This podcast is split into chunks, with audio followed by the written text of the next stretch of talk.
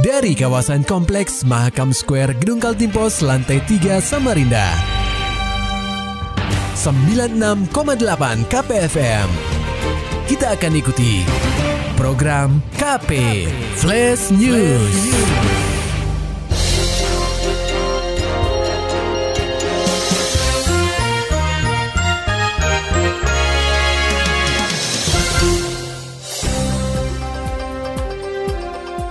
Anda sedang menyimak program KP Flash News bersama saya Agung Pratama. Bermodal foto perempuan di micet, pria ini mampu tipu ratusan lelaki hidung belang. Laporan selengkapnya akan disampaikan reporter KPFM Samarinda, Muhammad Nur Fajar. Pendengar KP, bermodal foto perempuan yang ia dapat dari internet. Pria 34 tahun berinisial RA mampu melakukan penipuan terhadap ratusan lelaki hidung belang di kota tepian melalui aplikasi micet. Namun aksi pria berkepala pelontos ini harus berakhir di balik jeruji besi setelah jajaran Satreskrim Polresta Samarinda mengamankannya berdasarkan laporan dari salah satu korbannya. Kapolresta Samarinda, Kombes Pol Arif Fadli menerangkan, terungkapnya bisnis yang dijalani RA ini bermula saat salah satu korban yang melapor hendak memesan jasa prostitusi yang ditawarkan tersangka di aplikasi micet. Tersangka diketahui menggunakan foto perempuan dengan akun bernama Luna pada aplikasi micet. Saat itu terjadilah negosiasi antara korban dan tersangka, tetapi korban membatalkan karena tidak ada kata sepakat mengenai harga. Kesal dengan sikap korban, kata Ari. Kemudian tersangka menebar ancaman akan menghabisi nyawa korban. Lantaran korban merasa terancam, dia menuruti permintaan RA untuk mengirim sejumlah uang secara bertahap dengan total mencapai 5,2 juta rupiah. Setelah merasa terus diperas, akhirnya korban melaporkan kejadian ini kepada pihak kepolisian. Tidak butuh waktu lama, tersangka akhirnya berhasil dibekuk pada Kamis 30 November 2023 di Jalan Poros Samarinda Bontang saat hendak melarikan diri ke Sangatta, Kabupaten Kutai Timur. Berdasarkan pengakuan tersangka, dia sudah menjalankan bisnis penipuan ini sejak 2021 silam. Ini memang awal atau modus operandi dari tersangka ini yaitu menyebarkan uh, atau ikut masuk di dalam aplikasi micet ini dengan menyamar atau memasang foto profil seorang perempuan untuk menarik menarik para pelanggannya atau menarik salah satunya korban ini yang ternyata uh, ini hanya merupakan modus dari pelaku untuk menarik atau menjaring para korban. Ya, yang mana tujuannya intinya adalah terakhirnya melakukan penipuan dan pemerasan. Sementara itu, RA berdalih bahwa dia tidak melakukan ancaman untuk membunuh korban, melainkan dengan menyebarkan bukti percakapan korban yang hendak memesan jasa prostitusi kepada keluarganya. Identitas korban sendiri berhasil diperoleh RA setelah dia dan korban bertukar nomor handphone untuk melanjutkan percakapan di aplikasi pesan instan WhatsApp. Biasa kamu ngadepinnya seperti apa? Ya nanti saya ancam keluarganya nanti tahu pak. Sama keluarganya harus tahu. Ya saya ngasih keluarganya. Profilnya saya lihat digit kontak. Digit kontak. Kamu ancam keluarganya kasih tahu. Berapa dapat kamu duit dari situ? 300 500 pak.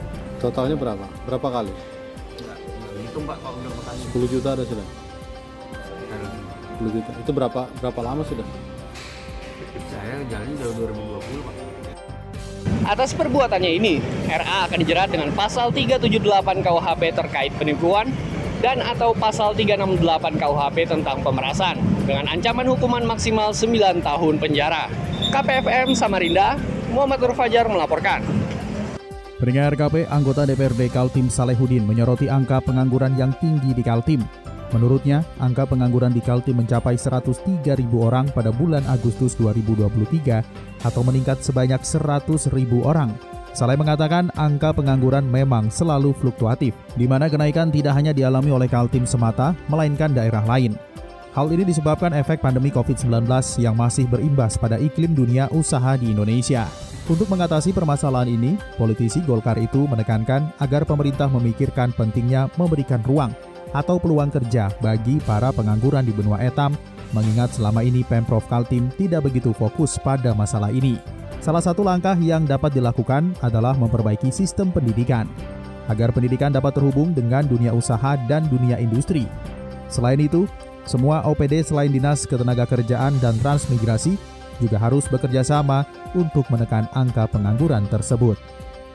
Nah makanya kalau bicara tadi bilang saya ya tidak hanya satu satu apa ya satu satu perangkat daerah saja yang terlibat. Leading sektornya tetap di dinas eh, tenaga kerja dan transmigrasi. Tapi seperti misalnya dinas kesehatan, dinas pariwisata, dinas perindakop, kemudian dinas apa namanya eh, apa pendidikan sendiri itu harus harus apa namanya melaksanakan itu. Kayak misalnya Bapeda, Insya Allah di tahun 2023 ini targetnya itu ada sekitar 2000 pemuda pelopor misalnya itu salah satu upaya untuk bagaimana melakukan pembayi- pemberdayaan ekonomi eh, bagaimana meningkatkan sumber manusianya supaya ya, ketika sudah lulus diberikan eh, pendidikan itu bisa apa namanya menemukan potensi-potensi ekonominya Nah, termasuk misalnya di beberapa sekolah bukan hanya satu kompetensi saja bisa lebih dari kompetensi itu dipunyai oleh eh, siswa-siswanya Lebih lanjut, Salehudin mengatakan dengan melibatkan berbagai pihak terkait, ia sangat berharap ruang ekonomi dapat terbuka bagi masyarakat Kaltim, sehingga lapangan pekerjaan terbuka semakin luas dan angka pengangguran dapat berkurang. Kita beralih ke kabar olahraga pendengar KP, Kaltim patok 5 besar dan 35 emas di PON 2024. Hal ini disampaikan Ketua KONI Kaltim Rusdian Syah Aras. Laporan selengkapnya akan disampaikan oleh reporter KPFM Samarinda Maulani Al-Amin. Pendengar KP, Ketua KONI Kaltim Rusdian Syah Aras optimis skuad benua etam yang berlaga di Pekan Olahraga Nasional atau PON ke-21 tahun 2024 bisa menduduki posisi lima besar. Keyakinan itu disampaikannya dalam rapat koordinasi atau rakor dan evaluasi hasil BK PON Kaltim yang terpusat di Hotel Mesra Samarinda Selasa pekan ini. Peserta rakor merupakan 50 cabang olahraga di Kaltim yang dipastikan lolos pada PON Aceh Sumatera Utara. Dari hasil rakor tersebut, masing-masing cabur memaparkan hasil evaluasi dan target medali yang mereka tetapkan pada PON mendatang.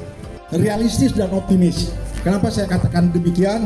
Apa yang disampaikan memang inilah adanya, inilah kekuatan kita. Tentu yang terakhir saya ingin kita semua menyatukan hati, soliditas kita pertahankan, sinergitas kita perkuat. Kita akan sama-sama nanti mengarungi badai ini, samudera ini dengan berhasil di Sumatera dan di Aceh. Dengan berakhirnya BK PON, KONI Kaltim dalam waktu dekat akan menggelar pemusatan pelatihan daerah pada Maret 2024. Pada BK PON, delegasi Bumi Mula Warman finish di peringkat keempat setelah Jawa Barat, Jawa Timur, dan DKI Jakarta. Perolehan medali yang diboyong Kaltim adalah 88 medali emas, 70 perak, dan 90 perunggu. KPFM Samarinda, Maulani Al-Amin melaporkan. Maulani Alamin, Muhammad Nur Fajar, KPFM Samarinda. Serta dapatkan berita-berita selengkapnya di www.968kpfm.co.id. Demikian tadi telah kita simak rangkaian berita-berita yang terangkum dalam program KP Flash News. Persembahan dari 96,8 KPFM. Terima kasih dan sampai jumpa.